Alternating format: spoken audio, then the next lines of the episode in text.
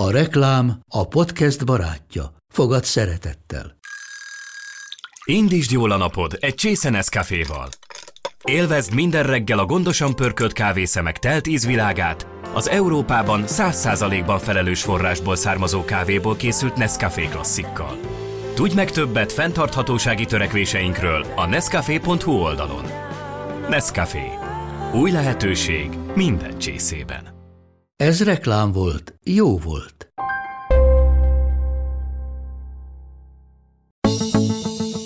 Én azt látom, hogy a legtöbb kutyaiskolába pórázon nevelik a kutyákat. Pórázrántással, jutalomfalattal, labdával, egy sportszerű dologgal lehet pörgetni a kutyákat, de azok pillanatnyi feladat végrehajtáshoz jók.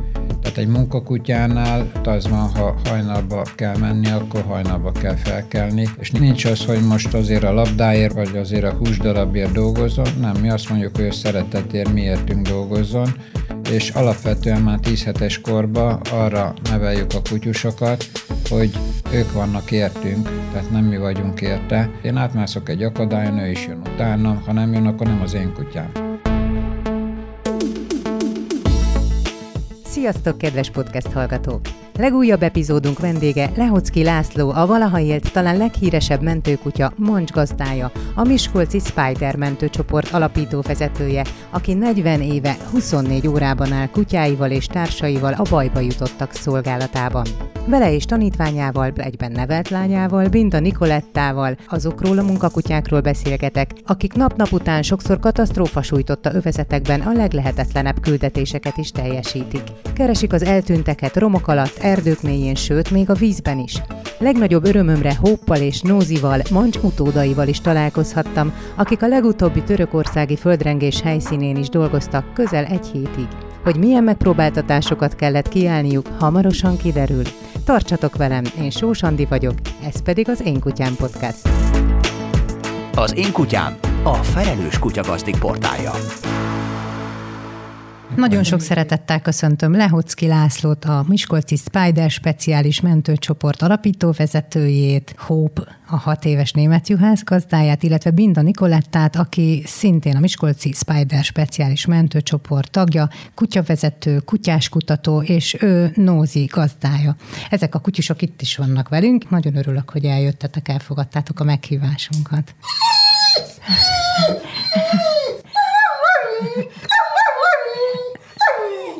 Először beköszönt Hope, aztán beköszönt Nózi, Welsh ugye a Nózi, jól Igen, mondom. Persze. Nagyon szépen tudnak ők köszönni. Van, amikor fontos, hogy köszönjenek? Nem is a köszönés, hanem maga a jelzéshez uh-huh. tartozó dolog ez, tehát általában ha az élő személyeket azt hanggal jelzik, és az is megvan, hogy milyen minőségbe. Tehát egy olyan szemét, aki nem mozog, azt ilyen egyhangúan ilyen au, au, au, au.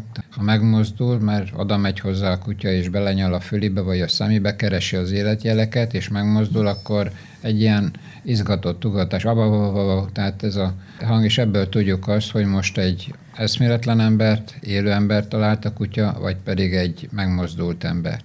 És amikor halottat talál, akkor ott mi a jel?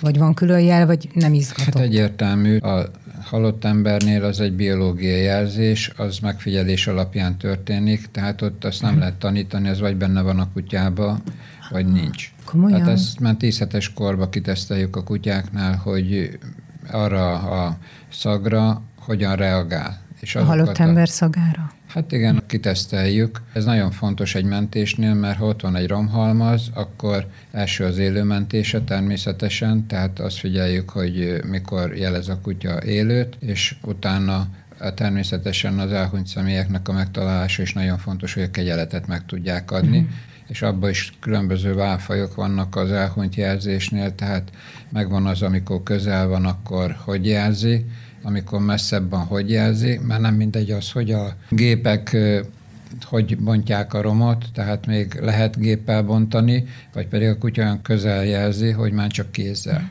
Tehát, hogy ne sérüljenek ezek az áldozatok se. Hogy az előbb ugye, amikor ásított Nózi, akkor mondta Niki, hogy, hogy, hogy így szokta jelezni ő a halottat. Tehát akkor itt nem az, hogy van egy jel, és megtanítom neki, hogy ezt csináld, amikor mondjuk halott vagy élő ember találsz, hanem ő neki van egy jele, és akkor onnantól kezdve te tudod, De ez hogy... nem egy bizonyos jel, hanem uh-huh. jelek sorozata. Jelek sorozata. Tehát legalább a tíz jelből hármat kell neki produkálni, hogy mi biztosan menjünk. Például, ha a kutya ugat a romoknál, és tudjuk, hogy élő személy, az még nem biztos, hogy élő személy, mert sajnos az van, hogy a elhunyt személy hat órán belül még nem indulnak be azok a sejtbiológiai folyamatok, és a kutya azt is ugyanúgy élőnek jelzi, tehát Törökországban is azt mondtuk, hogy vagy élő, vagy frissen meghalt szemét jelez a kutya.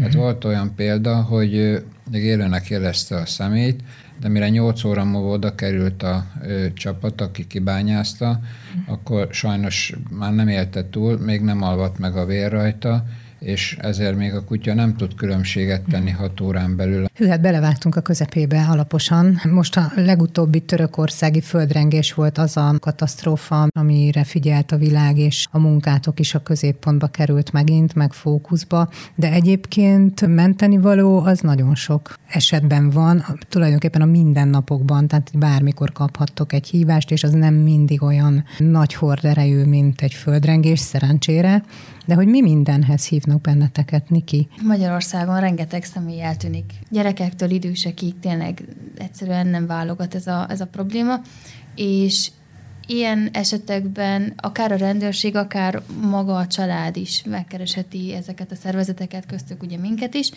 és Hát erdőben eltévedt emberek, vízben balesetet szenvedett emberek, akik a víz fogságába kerülnek, és ott merülnek el, folyók, tavak, sziklás részek, erdő, mező, hegy, tehát rengeteg hely, ahol lehet őket keresni. Úgyhogy ez esetben egyébként nagy tévhittel ellentétben nem a kutya az első pont, hanem a kutya mögött lévő ember, a szervezetek élén álló vezető, aki az egész keresést összegzi, összerakja, és egyáltalán információkat tud szerezni rendőrségtől, családtól, szemtanúktól, kamerából, mindenhonnan, és azt tudja mondani, hogy ez az a terület, amit át kellene keresni. Ott elkezdjük használni a kutyát, a kutya ö, jelzése alapján tudjuk azt mondani, hogy itt van valaki, vagy nincs. Tehát elég komplexek ezek az esetek. És hogy, hogy ez milyen hatalmas szám valóban. Most olvastam a könyvedet, László, ami Mancsról szólt. Ugye mi a pontos címe? Mancs? Volt egyszer egy mancs. Volt egyszer egy mancs. Mert hogy ezt eddig nem mondtam, de hát sokan tudják, szerintem mindenki, hogy mancs volt Hóp elődje, az a kutya, akinek világszerte a csodájára jártak. És ugye a könyvedben olvastam, hogy ő átlagosan évente 20 és 30 vízi áldozatot és 80 és 110 közötti eltűnt keresést végzett. Így van, tehát eleve a hazai keresések azok nagyon nagy számúak voltak. Ő volt az első, aki külön tudta jelezni az élő és halott szemét, és ami nagyon fontos volt, hogy a vízbefúltaknak a helyét is be tudta jelölni. Így sokkal gyorsabb volt a megtalálási esélyünk. Nem ezt kell... te is egyszer csak úgy vetted észre egy keresés folytán, így ugye? Van, Tehát ez nem van. volt elvárás, hanem Pontosan ebben különleges van. volt. Én, én nagyon sokat tanultam Mancstól, ezeket a tapasztalatokat használjuk a mostani kutyáknál is. Ezek a tudásanyagok, az az, az életből vett tudásanyag. Nem kényszerítjük a kutyákat különböző feladatokra, hanem olyan helyzetbe hozzuk őket, hogy ők oldják meg, és mi ezeket szoktuk felhasználni. Tehát a mentésről nincsen tankönyv, uh-huh. és innentől kezdve az élet írja a forgatókönyvet. Uh-huh. Tehát a kutya egy nagyon fontos élő műszer, de az ember a fő. Mert nem mindegy egy esetnél, hogy most mi a történet. Nem mindegy az, hogy most valaki elmegy kirándulni és bajéri, vagy pedig otthonról elszökik és menekül. És Tehát nem is akarja, hogy megtalálják. És nem is akarja, hogy megtalálják. Tehát eh, amíg, amíg odáig eljut az ember, hogy a kutyát tudja használni, nagyon sok előmunka van vele. Tehát én mondod, hogy tulajdonképpen Mancsal, Mancs segítségével dolgoztat ki a saját rendszeredet, ha jól így értem. Van, Tehát van. neked nem volt egy elődöd, egy mestered, de az előtt már létezett kutyásmentés, nem? Tehát, hogy a te módszered teljesen egyedi alapból. Kutyásmentés olyan, olyan módon létezett, hogy volt a Tabányán egy bányamentő kutyás csapat, a Suta Istvánék, és igazából velük találkoztam először, és onnantól fogalmazott meg bennem ez a dolog, hogy a kutyán keresztül kezdtük el a, a mentési tevékenységet, és később rájöttünk, mert először csak versenyekre jártunk Ausztriába, Németországba, és rájöttünk, hogy hoppá, ez nem a mentésről szól, hanem ezek kupagyűjtésről, illetve olyan dicsőségekről, ami egy zárt pályán időre, pontokra megy. És akkor kezdtem el fejleszteni azt, hogy hát igen, én menteni szeretnék, tehát valós dolgokat csinálni, és akkor kezdtem el fejleszteni, hogy a kutyám mellé kerültek alpinisták, búvárok, orvosok, statikusok, műszaki mentők, tehát ami kiegészítette az egész tevékenységet, és így specializálódott a dolog. Tehát a mai világban már majdnem mindenki speciális mentőnek mondja magát, mert nem elég, hogy a kutya megtalál valakit, azt el kell látni, el kell szállítani, el kell hozni valahonnan, hegyről is, mint legutóbb volt a egyik keresésünkön, tehát így specializálódott az egész dolog, és hát Mancs volt az alapja ennek az egésznek, hogy ő, tulajdonképpen az ő tevékenysége alapján tudtak a buvárok dolgozni, a hegyen megtaláltuk az illetőt, le kellett hozni alpin technikával, és így, így lett speciális ez a tevékenység. Na de, de már a Moncs előtt is ezzel foglalkoztál más kutyákkal, nem? Így van, nekem két kis Versterierem volt, uh-huh. olyan, mint a Niki, most a uh-huh. Nózi, és hát a könyvemben szépen leírom, eleve ott kezdődik, hogy én hogy kerültem kapcsolatba a kutyával, tehát mint családtag és gyerek. Utána az, hogy volt a kis Versterierem, és avval kezdtem el az egész mentőtevékenységet, és az is benne van, hogy kiröhögtek vele, hogy hmm. milyen kis kutyával, mit akarok én, ott ölbe vittem a kutyát, és pedig ugyanazt a tudásanyagot szívja magába a kiskutya is, csak termeténél fogva vannak gátak, tehát nagy gazba nehezebben mozog, de viszont romokon meg kiválóan tud működni, és hát akkor fogalmazott meg a kérdés bennem, hogy na akkor volt a csapaton belül az Ahmed nevű kutya, egy nagyon jó képességű nyomozó kutya, ő is sok embert megtalált, és hát született tőlük gyerek, kiskutya, és hát abból az alomból lett mancs. Mert ő német juhász volt, és akkor mondtad, hogy hát akkor legyen neked is egy tekintélyesebb így van, formátum, így van, és így akkor jött mancs. Így van, és, és a kis Welszterier tanította meg mancsot különböző hmm. fogásokra, mert na- nagyon sok előnye van az, ha már az embernek van egy kiképzett kutyája, és egy idősebb kutyája, és egy fiatalt mellé rak, mint például Hóp is most hatodik uh-huh. éves lesz. Általában, amikor hat éves kort elérnek nálunk a kutyák, akkor vérvonal szinten fedeztetünk a gankutyával, és egy kölyköt abból az alomból, tehát 20%-ot hoz a genetikából, 80-at mi adunk megint mellé, és eleve össze vannak kötve, mindenütt együtt járnak, Hát irigy, mint És ez most kutya. így lesz majd a Hópnál is. Pontosan. Nem sokára lesz egy saját utódja, aki Igen, majd tőle tanul meg mindent. a kiskutya Aha. a nagykutyát, Hát így, mint a kutya, ezt kihasználjuk természetesen. ő is és, akarja ezt, amit És így, így másfél nagy... évre le tudjuk csökkenteni a kiképzést három év helyett. Mm. És akkor ez hogy van Nózival, Niki, hogy őt, őt a Hóp tanította, vagy itt ez valami teljesen más Igen, egyébként történt? ő, ő Hóp, Hóppal nagyon sokat dolgozott együtt, neki Hóp az egyik tanítómestere, meg a nekem előtte egy labradorom volt, és na, ők voltak aztán nagyon sokat együtt, ugye, hogy együtt éltek, és még őtől nagyon sokat tanult. De, de visszatérve az előző történet, az a Westerierről, ugye Lacit annak idején pont azért nevették ki, mit akar egy kiskutyával, és a német juhász meg a nagytestű kutyák voltak elfogadottak. Én ebbe az egész rendszerbe úgy csöppentem bele, hogy az első kutyám ö, egy német juhász volt, mm. mert ugye, hogy német juhász az egy nagyon jó munkakutya, és a német juhász, a Golden Retriever, meg két labrador után én meg azt mondtam, ha ha fiatal vagyok, lány vagyok, egyébként is sok mindent kell bizonyítani ahhoz, hogy felérjek a, a nagy férfiak munkásságához, akkor én pontosan egy kis testű kutyával fogom megmutatni, hogy egy fiatal lány egy kis kutyával lehet ugyanolyan jó, mint egy felnőtt férfi német juhásszal.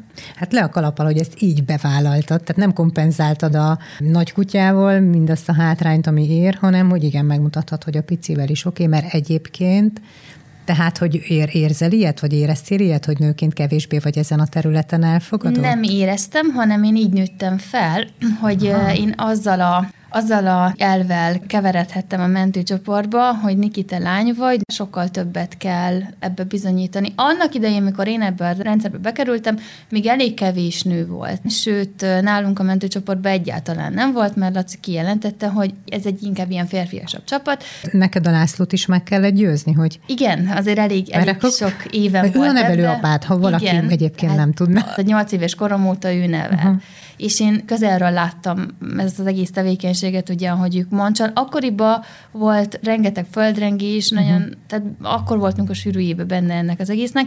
De ezt és akkor még csak ugye messziről tudtad nézni, mert hogy földrengésnél most voltál először, Persze, ha jól én, hát a tévében láttam Aha, én is őt, mint mindenki igen, más igen. kb., de azért csak... De László megment ki ezekhez, amiket te a tévében láttál. Igen, meg uh-huh. aztán csak hazajött, elmesélte. Uh-huh. Uh-huh. Az idővel azért megnézhettem anyagokat, dokumentációkat is, amik, amik szakmai dolgok, és azért, ahogy telt múlt az idő, én elég egyértelműen jelentettem ki, hogy én bizony ezt szeretném csinálni, de akkor ilyen feltétele, tehát én így indultam, hogy jó, de akkor, akkor szigorúan. Uh-huh. És velem egyébként sokkal szigorúbb is volt, mint uh, ahogy nagyon sokan egy valóban egy nagyon kedves embert látnak benne, az is, de velem pont azért, hogy később megállhassam a helyem, szigorúbb volt. Uh-huh aminek én így most visszagondolva nagyon hálás vagyok érte, de akkor azért kicsit nehezebb volt ez, de egyébként csapatszinten, meg ahogy én ebbe belekeveredtem, és akkor más ö, városok csapataival is, most mindenkivel együtt dolgoztunk, rendőrökkel, tűzoltókkal, tehát csak mindenkivel, alapvetően én nem éreztem ezt, mert főleg, hogy elég fiatal voltam, tehát engem úgy megpróbáltak úgy óvni, úgy uh-huh. mindenki, meg főleg legtöbben férfiak vettek körül, és akkor úgy elapáskodtak felettem, ami, ami miatt én nem éreztem így ennek a hátrányát, viszont Nekem Laci a példaképem az első perctől, és az, amit ő mondott, az, meg amit világ életemben, amit tőle hallottam, az egy vezérfonal. És ezért mindig ott volt előttem, hogy jó, jó, jó, hogy kedvesek velem, de nekem akkor is, akkor is úgy kell ezeket Neked az a mérce, ugye, amit ő elvár. Igen, hogy sokkal uh-huh. többet, és saját magamon is tegyek túl és mindig az volt előttem, hogy sokkal többet, sokkal erősebben bele kell ebbe tenni, tehát nekem teljesen mindegy volt, hogy egy overában nőként sokkal nehezebb mozogni, vagy esetleg pisilni. Akárki megkérdezte, hogy hogy vagyok, vagy nem akarok egy kicsit leülni, pisilni, enni, nem, köszönöm szépen nem, mert tudtam, hogy felszemmel Laci mindig figyel, és csak akkor fog magával vinni, hogyha én nem okozok semmilyen gondot, problémát senkinek, hanem úgy reggeltől estig úgy dolgozok, még fiatalon is, ahogy mindenki más. És László, neked mi volt az a pont, amikor azt mondtad, hogy na jó, mert ugye ez elveim ellen megyek, ez inkább egy férfias hivatás, és amikor azt mondtad, hogy oké, okay, a Niki megérett rá, hogy ugyanezt csinálja és legyen. Igen, ő nagyon hamar megérett rá. Azt hiszem, hogy 14 éves volt, amikor az első áldozatot megtalálta, tehát ah. pont nem élő embert talált meg és ez volt a tűzkerettség nála. Igazából az anyukával volt is egy kis konfliktus emiatt, hogy gyerekfejjel azért ilyen tevékenységet ne csináljon már még, hmm. úgyhogy majdnem úgy volt, hogy majd pszichológushoz viszik, meg nem tudom én mi, uh-huh. de hál' Istennek mai napig jól tűri, uh-huh. meg igazából úgy vagyunk mi is vele, hogy nekünk is mondják, hogy menjünk pszichológushoz, meg hogy tudjuk túltenni magunkat ezen.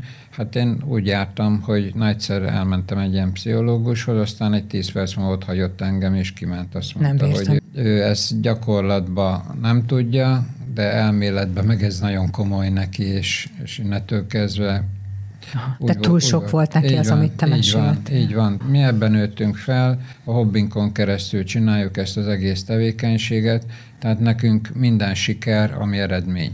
De azért hadd mondjak valamit, nem tudom, most nagy titkot biztos nem árulok el. Én beszélgettem a feleségeddel, hogy a Niki édesanyjával telefonon, De. mielőtt jöttetek, Na, persze. Jaj. Hát ugye az volt a kapcsolatfelvétel, úgyhogy én egy-két dolgot tudok. Például azt, hogy azt mondta, hogy azért nehezen viseled a kudarcot. Nem azt mondom, hogy ugye ezt a sok megpróbáltatást, hanem hogy annyira a segítés az életed, annyira elhivatott vagy, hogy így, így fogalmazott, hogy túl jó vagy erre a világra.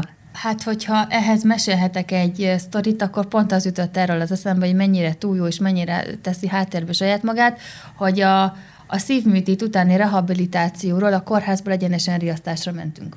És hiába mondta el mindenki száz fokba, mert a nyár kellős közepe volt, hogy Laci, pihenned kéne. Nem, én megyek.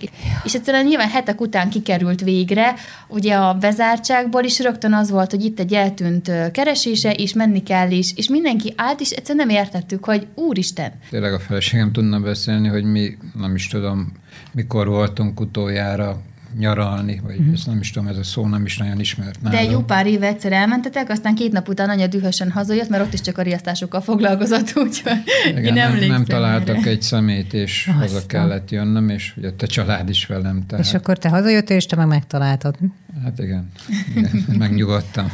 Azt is mondhatjuk, hogy a megpróbáltatásokért végül is az ad kárpótlás, hogy mennyi mindenkin tudtál segíteni? Természetesen. Hát hogy, hogy az csinál... egyenlíti ki. Ezért, ezért uh-huh. csináljuk. Tehát engem úgy neveltek a szüleim, hogy inkább én segítsek uh-huh. az embereken, mint hogy én rászoruljak valakire is. Meg az az igazság, hogy ugye az, hogyha élőszemét találunk, ugye attól nagyobb öröm nincs. De Ugye sajnos az esetek többségében, tehát hogyha mérlegre állítjuk, sajnos több az elhunytnak a megtalálása, mint az élő személyeké, de azért nagyon sok uh, ilyen esetben, ahogy láttuk a, a családot és azokat a kétségbeesett embereket, mondjuk egy, egy folyóparton keresni, ahol mindenki tudja, hogy azért nagyobb százalékkal nem élve fogjuk hmm. megtalálni. Ha a vízbe van, akkor nyilván x nap után nem, nem fog előkerülni élve, de akkor is a, annak a, a családnak, annak az embernek, aki ott uh, siratja a parton a hozzátartozóját, bizonytalanság uh, övezi, addig még tényleg meg nem találja, és el nem hmm. tudja fogadni. És ennek a gyásznak a feldolgozásában óriási szerepe van annak, hogy előkerüljön. Meg ugye, tehát abból a szempontból szakmailag is az, hogy élő szemét vagy halott szemét találunk, a kutya szemszögéből, abból a tekintetben, hogy ő így is, meg úgy is egy szaktechnikai munkát végez. És ha ő sikeres és talál valakit, akkor az neki eredmény. És mivel mi, mi kutyások vagyunk, és a kutyás hobbink a, az életünk, ezért nyilván nekünk is egy eredmény, hogyha a kutya uh-huh. talál. Hát apropó kutyák, mit szólnak mindenhez a kutyák? Édesanyád a Nóziról mondta, mert róla is beszélt a telefonban, hogy hát amióta Törökországból megjött a Nózi, azóta nagy képű lett, és luxust akar.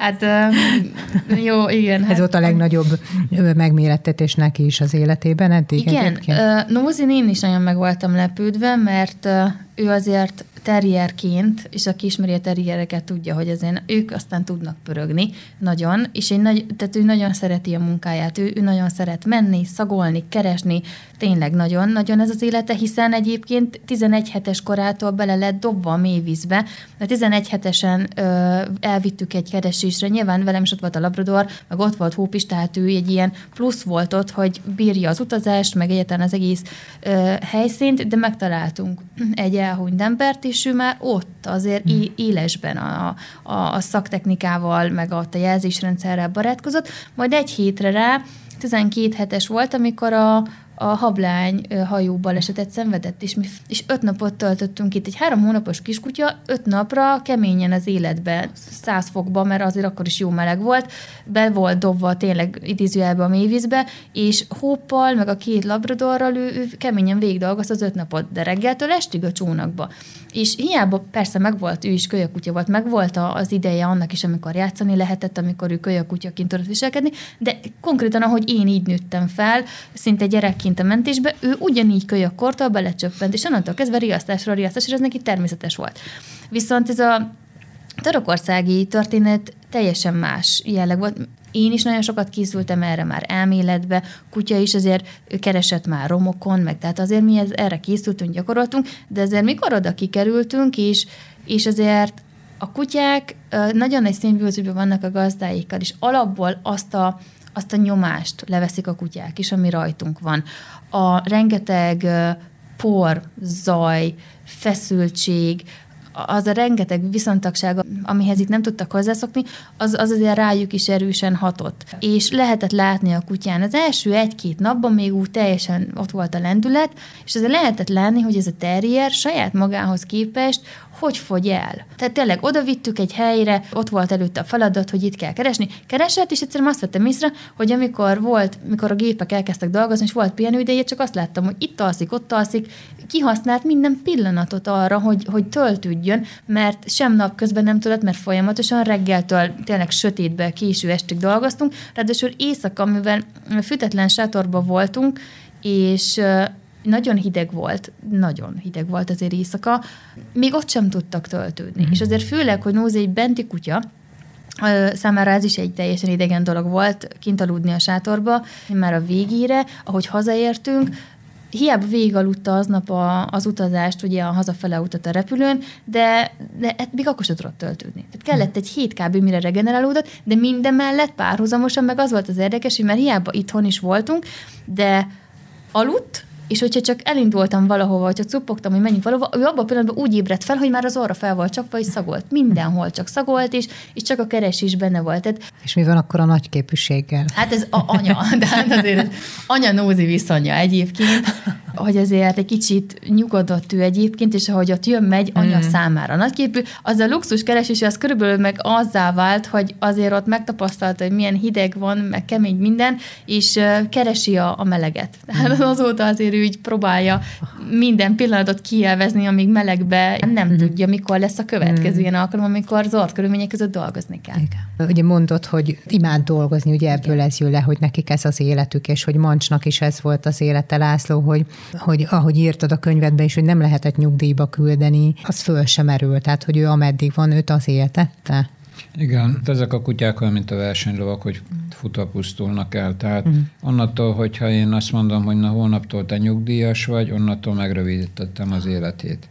Tehát addig kell őket használni, amíg tényleg fizikailag bírják. Olyan feladatokat kell nekik adni, ami egy, egyszerűen még ellátható náluk. Mancs is például már annak idején, amikor utolsó stádiumban volt, még a hajóból nagyon szépen szagolt. Tehát a, az érzékszervei azok rendesen működtek, de sajnos a német juhász betegség miatt, a diszplázia miatt már fizikai gátjai lettek, tehát már nem tudott szágoldozni ott a mezőkön, erdőkbe, tehát olyan feladatokat adtunk neki, ami inkább szaktechnikai feladat volt, és nem, nem szabad őket nyugdíjazni. Tehát ez olyan, mint az embernél, hogy na hónaptól nyugdíjas vagy, és a postás uh-huh. meg a mhm. halált várod, tehát ez, ez nem működik így.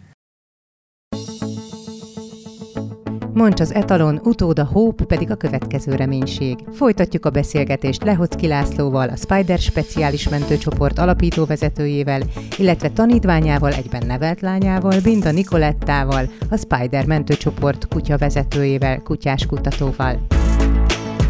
Az én kutyám a Felelős Kutyagazdik portálja. Érdekes kifejezés, hogy ez a szagbank, hogy létrehoztál egy szagbankot, ugye? Igen, Jól olvastam. Igen, hát a kezdetekben ez, ez így működött, tehát tulajdonképpen itt a különböző szagoknak is megvan az időtartama. Tehát általában volt olyan, hogy kellett egy háromnapos embert keresni, ötnapos, tíznapos, egyéves. Igazából ezeknek megvoltak a szagtechnikai rögzítései, és mindig azon a helyen, ahova menni kellett, az időnek megfelelő szaganyaggal először legyakorolta az ember a kutyával, és utána meg már tudta, hogy mivel kell azonosítani, tehát mi az, amit keresni kell. Például, amikor vasútnál dolgoztam 21 évig, és a, akkor még egy magyar vizslám volt, vadászkutyákkal foglalkoztam. A főnököm a telkén rotáció kapázott, és hát ahogy rázta a kapa, kiesett a sluszkulcs a zsebéből, és visszafele főddel betúrta. És gyalog jött le a hegyről oda a munkahelyre, és hát ott szitkozódott, hogy most a kocsit most fel kell törni, mert nem tudja kinyitni, és mondtam, hogy én úgy jártam munkába, és hogy a kutya ott volt velem a kis vizslám, és mondtam, hogy menjünk ki, és meg fogjuk keresni. És nem hitte el. És úgy csináltam, hogy a kulcsomót odaadtam neki az enyémet, megfogdosta, rajta maradt az őszaga, eldobáltam neki, visszahozta, vagy háromszor a kutya, utána föld alá beraktam, eltemettem, onnan is visszahozta, és utána odavittem a kutyát, ahol rotáció kapázott, és öt perc alatt megtalálta a kutya ki ásta. Tehát tudta, hogy mit kell keresni.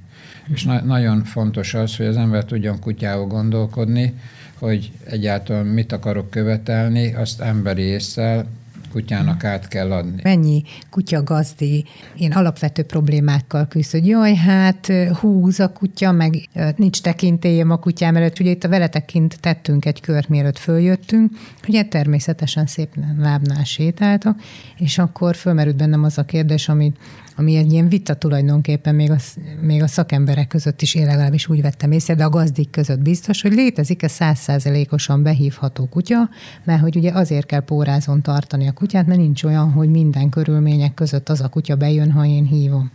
És hát ugye itt ti vagytok az élő példák, erre létezik százszázalékosan hát én, én azt látom, hogy a legtöbb kutyaiskolába pórázon nevelik uh-huh. a kutyákat, pórázrántással, jutalomfalattal, labdával, tehát egy sportszerű dologgal lehet pörgetni a kutyákat, de azok pillanatnyi feladat végrehajtáshoz jók. Tehát egy munkakutyánál ott, ott az van, ha hajnalba kell menni, akkor hajnalba kell felkelni, és nincs az, hogy most... Nincs pozitív megerősítés, hogy jaj, de jó lesz, ha megcsinálod. Igen, tehát Jó. nincs az, hogy most azért a labdáért, azért, uh-huh. vagy azért a húsdarabért dolgozzon. Nem, mi azt mondjuk, hogy a szeretetért miértünk dolgozzon, és alapvetően már 10 hetes korba arra neveljük a kutyusokat, hogy ők vannak értünk, tehát nem mi vagyunk érte, és amikor kinn is vannak szabadba, akkor elbújkálunk tőlük, és hiányt keltünk bennük. Tehát a, mindennek az alapja a ragaszkodás. Tehát én átmászok egy akadályon, ő is jön utána, ha nem jön, akkor nem az én kutyám. Hát ha szólok egy... neki, tehát ne én figyeljek már a kutyámra, hogy úristen, hova fog menni, kinek fog neki menni, hanem a kutya figyeljen én rám, hogy én el ne tűnjek. Tehát, Tehát akkor ez egy ilyen kötődés kialakítás tulajdonképpen. Ezzel kéne kezdeni az egész nevelést. És lehetőleg ne a kutya legyen a falka vezér otthon, vagy ne húzzon át az út másik oldalára egy másik kutyához, hogy haverkodjon vele. Vagy macskát meglát. Hanem, hanem először mhm. rám nézzen, hogy gazdám lehet-e.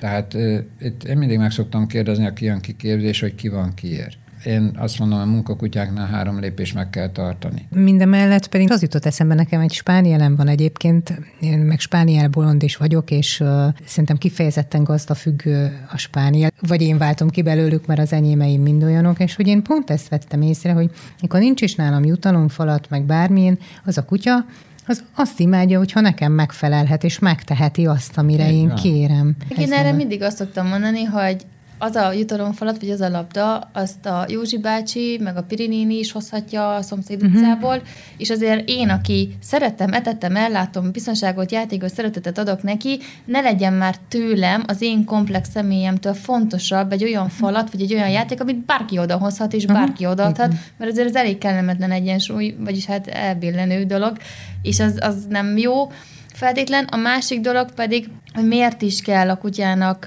ennyire megfelelni. Erre meg én pont azt a hasonlatot szoktam hozni, hogyha én laknék az erdőben, a jurtában a kutyámmal, akkor minden rezdülését én figyelném, mert ő az érzékszerveivel meg tudná határozni, mikor jön a farkas, mikor kell kijönni, bebújni, mikor mi biztonságos és mi nem. De ez nem így van, hanem ő él velem a civilizációba, egy olyan társadalomba él, ami számára hiába több száz éve ide vannak szocializálódva a kutyák, szerencsétlen kutya még mindig nem tudja, hogy az autó elüti, az a földön mérgezetétel van, és az ember vagy másik állat, vagy bárki bánthatja. És addig, amíg ő ezzel nincs tisztában, és nem tudja, mi az a járda meg zebra, addig neki kutya kötelessége azért rám figyelni, mert az életét mentem meg, ahogy ő megvédeni az én életemet az erdőbe a farkastól, ugyanúgy itt én védem meg az ő életét azzal, hogy nem engedem átszaladni az úton, nem engedem, hogy feledjen a földről bármit. Azt hogy csinálod? Mert mondjuk így a spánielnek a gyenge pontjára elérkeztünk, igen, meg hát sok kutyáira. Vér, igen, ez a mindent is megeszek. Nálunk ez úgy működik, hogy egyszer kapnak a felnőtt kutyák természetesen enni. És nagyon fontos a hármasság, hogy legyen egy hely, ahol etetem, egy állandó hely, legyen egy állandó tál, és körülbelül egy állandó idő. Tehát én általában 7 és 8 óra között szoktam neki adni, és ezt megszokja a kutya. Meg egy Tehát akkor nincsen nassoltatás. Nincs nassoltatás, így mm. van, és napközben nincsen igény erre. Az sem erő, hogy A másik meg nem engedek addig hozzányúlni, amíg én nem mondom azt, hogy eheted, tehát mm. nem nyúl addig. Tehát az utcán is van egy ennivalóféle, akkor a kutya vagy kikerüli, vagy rám néz, hogy most ezzel mit csináljon. Tehát megint a gazda szerepe a nagyon fontos. Hát mi most odáig jutottunk, hogy ha talál valamit, csúnyán ránézek és kiköpi én már sikernek élem Ezt meg. úgy hívják, hogy szemmelverés, Igen. de ez nem nagyon szokott eredményes Egy, lenni. egyébként azzal van a probléma, hogy de addig, amíg az a kutya azt tapasztalja meg, hogy enném ledobják az ételt, és én felehetem, akkor az utcán találtat miért nem ehetném meg? Aj, de jót Tehát mondtál. a, a kutya nem hülye, és egy, tehát egyértelmű dolgokat összeköt, és azzal van a baj, hogy mindenki emberfejjel próbál a kutyára gondolni, de ő egy állat, és őt a saját szemszögéből kéne megközelíteni. Tehát akkor ott, tehát hogy ne legyen a földön kaja Igen, semmikor. tehát azért nem Tehát mondjuk leszórom véletlenül főzés közben, az sem szabad Hát akkor megenni. Mert ugye neki tökre igaza van abban, hogyha megehetem itt, ott miért ne ehetném meg, és akkor ebből van a probléma. Aha. Ez az egyik része, a másik meg a, a túlszeretés egy óriási probléma ma. Én értem, hogy sok esetben társpótló, meg gyerekpótló, meg, meg tényleg nagyon közel kerültek az állatok, a kutyák az emberhez az elmúlt jó 200 évben, ami teljesen rendben van, de attól a genetika nem változott meg, és ő attól még egy állat. De én azért látom rajtatok, hogy imádjátok őket. Pont, és pont, Tehát, hogy ez pont nem az a lényeg, zárja ki. Hogy Igen. pont az, a- az a lényeg, nem szoktam mondani, hogy lehet a kutyát jól szeretni, meg rosszul, és nagyon sokan rosszul szeretik a kutyát, és pontosan a rosszul szeretés okozza a legnagyobb problémát, és mi, mi pont azért szeretjük jól őket, mert megtisztelem azzal, hogy nem az én önzőségemet öntöm rá, hogy nekem kell a szeretet, és akkor bújjál ide is, két lábon álljál, és az ágyba aludjál, hanem én tisztelem és szeretem őt kutyaként. Mm. És pontosan azt ad, én adom neki a szeretetemet, és nem kiveszem belőle, hanem van társam, van gyermekem, vannak barátaim, én rajtuk kitöltöm a saját önző szeretetemet, és a kutyától pedig azt, azt a kapcsolatot várom el, ami neki is jó. És pontosan ezzel lehet őket jól szeretni. László, kérdezhetek egy nehezet. Ugye a mancsot imádtuk, és tudjuk, hogy szobra van, most már Törökországban is van szobra, és ő a viszonyítási alap, akár így is fogalmazható. Így van, ő az Hogy- etalon. Hogy ő az etalon. Ez neked nehéz még most is? Hát hogy ne lenne, hát igazából, tehát mond csak egy volt, még, még egy nincsen. Hope is, én azt mondom, ez ő reinkarnációja, mert igazából Hope is bemutatta Törökországba is, meg már nagyon sok helyen, hogy ugyanazokkal a képességekkel rendelkezik. Ráadásul ez egy nagyon érdekes történet ez is, mert uh, még nem kellett volna, még nem, nem akarattal jött ő, hanem nekem meghalt a német juhászom, a, ő volt a legelső kutyám, és egyébként ő is egy valamilyen szintű mancsvérvonalú volt ráadásul, ő volt így az utolsó, és meghalt Negró, és kikerült az internetre, és kaptunk egy felajánlást, hogy nekem szeretnének felajánlani egy fedezésből egy kiskutyát, és mi elmentünk együtt, mert én mondtam, hogy hát jó, jó, mondjuk nekem két labradorom, meg egy goldenem van, mondjuk nekem pont nem kell most egy nagy testű kutya. Elmentünk együtt, és talán három kam volt. Ő volt a legvilágosabb színű, és egyszerűen, ahogy megérkeztünk, és oda Laci legugolt, így be, egy, egymásba szerettek. Én láttam, én voltam hmm. ott. Egymásra néztek, és mondtam, hogy na jó, hát ő a tiéd, amúgy, hát így, így meg is van oldva, hogy a kutya nem hozzám jön, és ott lett egy szerelem. Hát az a legjobb, amikor a kutya választja ki a gazdát. Én, én maximum fajtát tudom, hogy melyik a szimpatikus nekem, de amikor a kutya választja ki a gazdát, az a legnagyobb szerelem. És mennyi idő után jött a mancshoz képes? Sokára jött, hát Jó tíz év. tíz, Tíz évre. évre. Persze, Tíz voltak közt a kutyák. Voltak De mindenki kutyák német juhász, tehát ő már nem tud elvonatkoztatni. De, de azok, azok, azok is nagyon jó kutyák voltak, de azok nem tükrözték ugyanúgy vissza mancsot. Tehát a mancs után a hópa nagy szerelem. Igen. Így van. Aha. Ezért is lett a remény a neve, mert általában minden kutyánkat arról nevezzük el, ami rá legjobban jellemző. Volt egy Golden Retrieverünk, amelyik nemrég halt meg, ő kiskorában annyira okos, ügyes volt, és azt mondtuk, hogy nézd már, milyen esze van, legyen IQ. Akkor volt IQ. a mancs Hogy után levő kutya, a ö, radar, neki nagy fülei voltak, és függetlenül tudta így forgatni a fülét. Nézd már, hogy radaroz a fülével. Aztán volt a Sumák. Sumák, az, az nagyon ezért rafinált kutya volt, ezért is lett Sumák a neve. Akkor volt a görömböi agyar erős, az egy kis verszteriár volt. Az a tenyésztő ment haza, már vemhes volt a szuka, és már tényleg fialáshoz készült, és az autóba egy kölyköt megfialt. Utána bevitték a kutyát, az anyakutyát, és nem tudták, hogy lefialt a kocsiba. Tehát egy kis kutya ott maradt a kocsiba. Utána otthon lefialt a többi kutyát, és másnap ment a tenyésztő, és hallotta, hogy valami nyüsszögött a kocsiba. Tehát egy, egy éjszakát ott Kibírt volt. És kibírta, és mondtuk, hogy nézd ma, milyen erős ez a kutya, és akkor úgy lett görömbé agyar erős. És ő miért lett hóp? Hát a következő reménység mancs után. Tehát ele, eleve, mivel külföldön is dolgozunk vele, uh-huh, uh-huh. hát egyértelmű, ugyanúgy, mint a mentőcsoportnak a neve is először az volt, hogy Miskolci Speciális Felderítő és Mentőcsoport. Na most ezt Törökországban elmondtam, a törökök igen furcsán néztek, de amikor azt mondjuk, hogy Spider, onnantól kezdve a gyerek is tudja, hogy a Spidermanről, hogy, hogy ezek igen. pókember, és eleve az emblémánk is olyan, hogy tehát már eleve ott kezdődik, hogy a pók a szerencseállatunk. Tehát amikor mentünk menteni, egy csónakon vagy rajtunk mászott egy pók, általában mindig eredményesek voltunk, tehát mindig azt lessük, hogy hol vannak a pókok. Mellette a pókon rajta van a keresztelt a mentésnek a jelképe, nyolc lába van, nyolc szakág van, búvár, alpinista, kutyás, stb.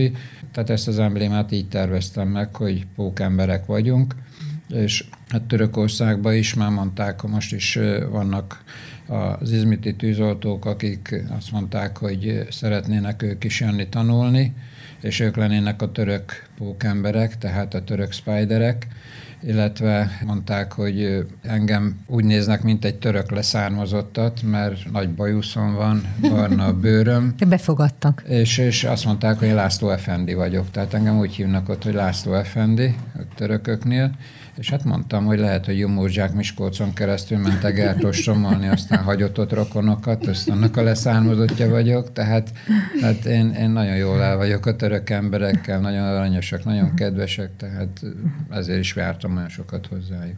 És hát ugye ott van Hatira, akit ugye megmentettél hát három évesen, most és most... kisbabája, úgyhogy ilyen tiszteletbeli nagyapa lettem, úgyhogy egy, egy életből kettő lett. Hát ő volt itt annak idején nálunk is lakott, mert Debrecenbe járt az egyetemre, és a hétvégeket nálunk töltötte. Tehát tényleg nagyon mhm. családias viszonyban vagyunk vele. Meg hát most már jönnek a többi, megmentettek most is, akiket mhm. legutoljára. Hát igen, most is egy három hónapos pici baba is hát volt. Pici aki... baba is volt, meg egy négy éves kisfiú is volt.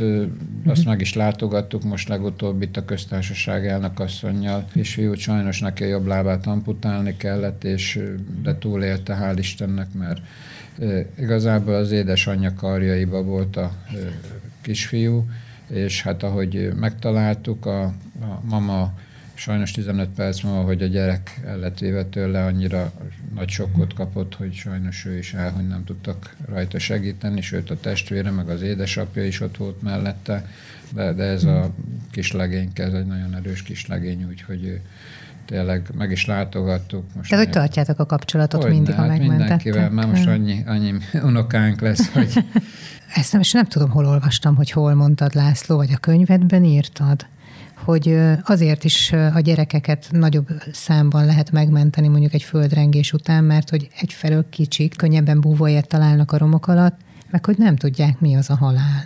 Hát ugyanúgy, mint a kutya se tudja. A fájdalomtól fél, de nem tudja, hogy mi az, hogy meghalni. Tehát és a gyerekeknél is pont azt az időszakot, ami egy, egy felnőtt embernél a stressz időszak, tehát túléli a földrengést valaki, és a gépek ott dolgoznak a feje fölött. Nem tudja, hogy tudnak-e róla, hogy ott van? Hát az a legszörnyűbb, amikor él egy ember, és akkor nem tudnak róla, és a gép meg szét trancsírozza. Tehát ezért jó a kutya, mert amikor már a külföldi csapatok elmentek annak idején is, még mivel a kutyák jelezték a elhunytak helyét, meg pontosan jelezték, mi még tovább dolgoztunk ott 5-10 napokat a területen. Sőt, Ekvádorba azért hívtak oda minket, mert a romokat már elkezdték takarítani a katonák, hogy minél hamarabb vége mhm. legyen ott a káosznak, és ott az emberek, meg a politikusok fellázadtak, és azt mondták, hogy nem, meg kell nézni, hogy még vannak a romok alatt, és ne legyen ez a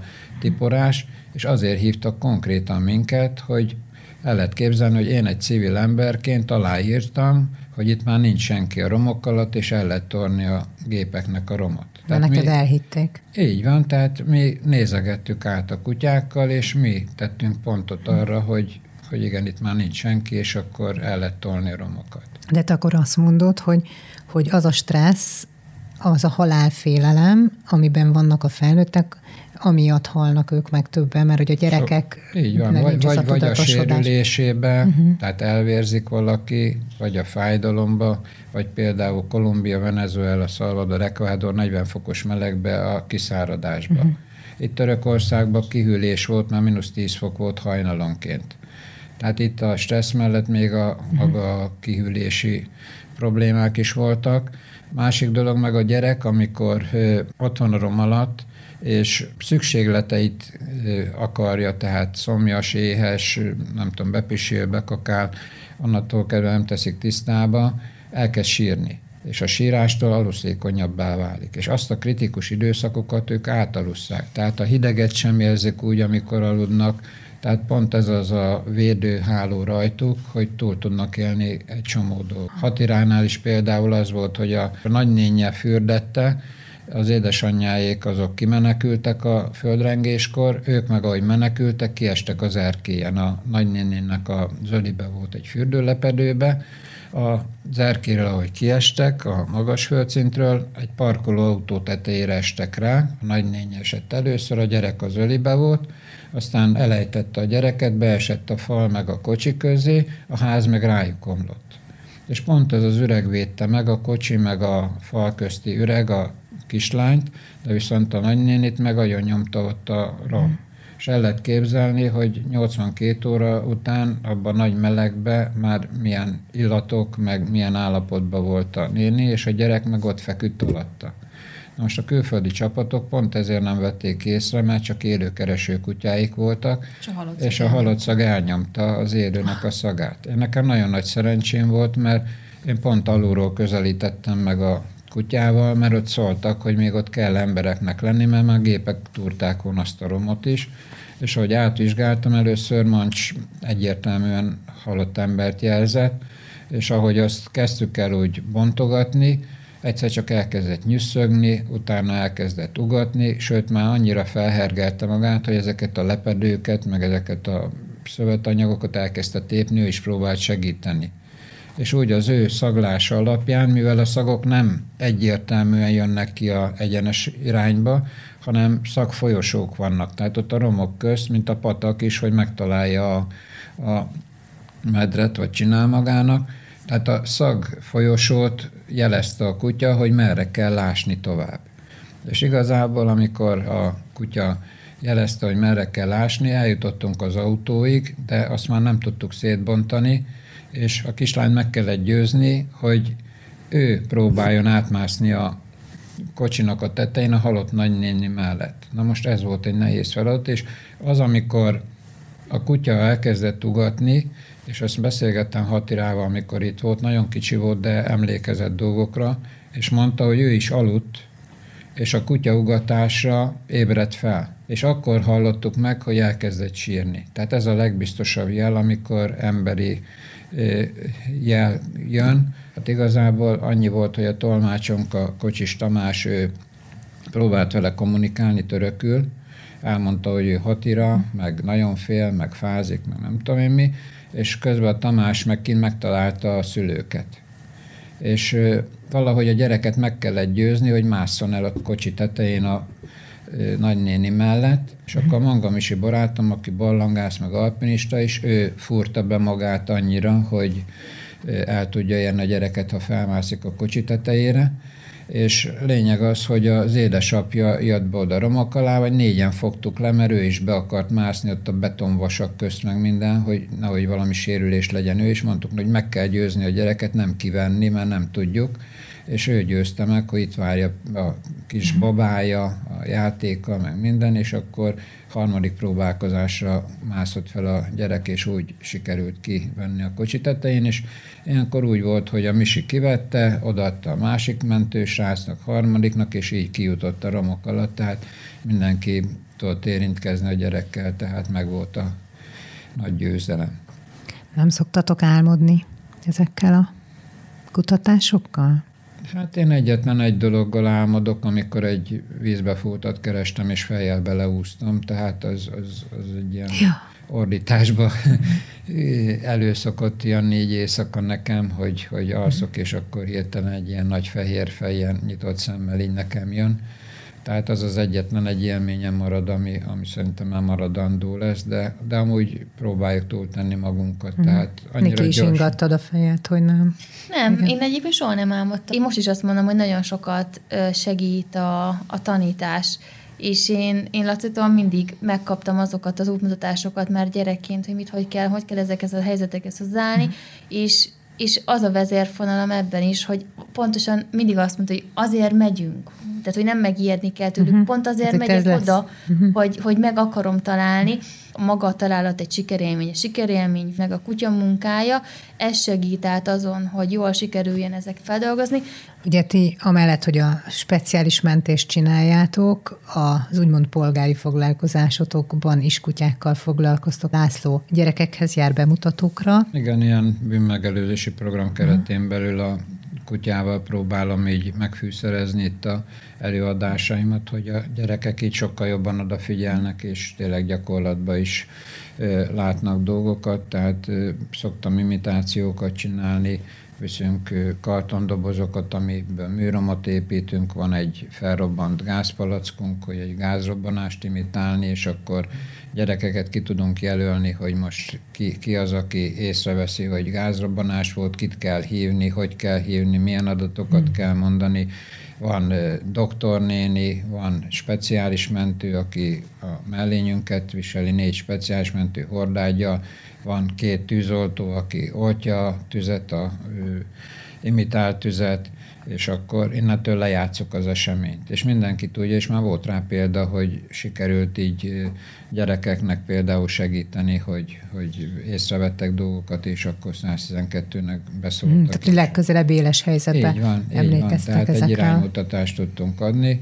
Niki, te pedig, nem tudom, hogy kell szépen mondani a gyepmesteri telepet, állategészségügyi telepen dolgozol. Miskol... Én, a Miskolci állategészségügyi telepen dolgozom uh-huh. állategészségőrként, és rengeteg bekerült gazdátlan kutyával, és egyébként cicák is vannak, velük, velük kell foglalkozni, az ő ellátásukkal, gyógyszerezésükkel, gondoskodásukkal mi foglalkozunk, és hát mivel hozzám a kutyák állnak a legközelebb, elég testhez álló, én nagyon szeretem. És nincs altatás Nincs, nincs nálunk nincs altatás. Megpróbálunk mindenkit átvevő szervezetekhez, vagy a legjobb ugye gazdákhoz juttatni minél hamarabb, és, és megmenteni vele az életüket.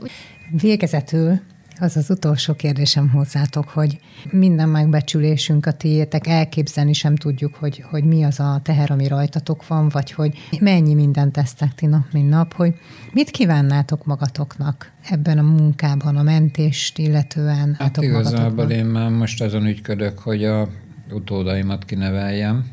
Hát jó, itt van Niki egyszer, de, de vannak még többen is, akik van követőim, és igazából én már azt szeretném, hogy ő, ők is eredményesek legyenek, és hogy vigyék tovább ezt a tevékenységet. A mentőcsoportnak van a szlogenje, amit becsület, alázat, kegyelet és a hűség. Hát ez, ez működteti a mentőcsoportot. Aki ezt elfogadja, az a tagjaink soraiba várjuk. Isteniki! Erőt is kitartás magunknak, és az elhivatottságot megtartani.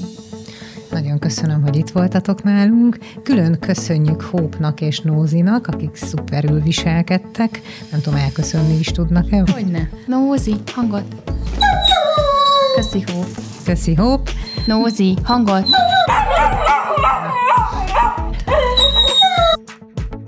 Kedves podcast hallgatók, a kutyusokon kívül a mai adásban velünk voltak Lehocki László, a Spider speciális mentőcsoport alapító vezetője, illetve tanítványa, egyben nevelt lánya, Binda Nikoletta, a Spider mentőcsoport tagja, kutyavezető, kutyáskutató. Köszönöm, hogy velünk voltatok ti is. Köszönjük, hogy velünk tartottál.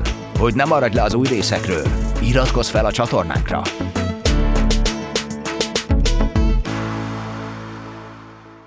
A műsor a Béton partnere.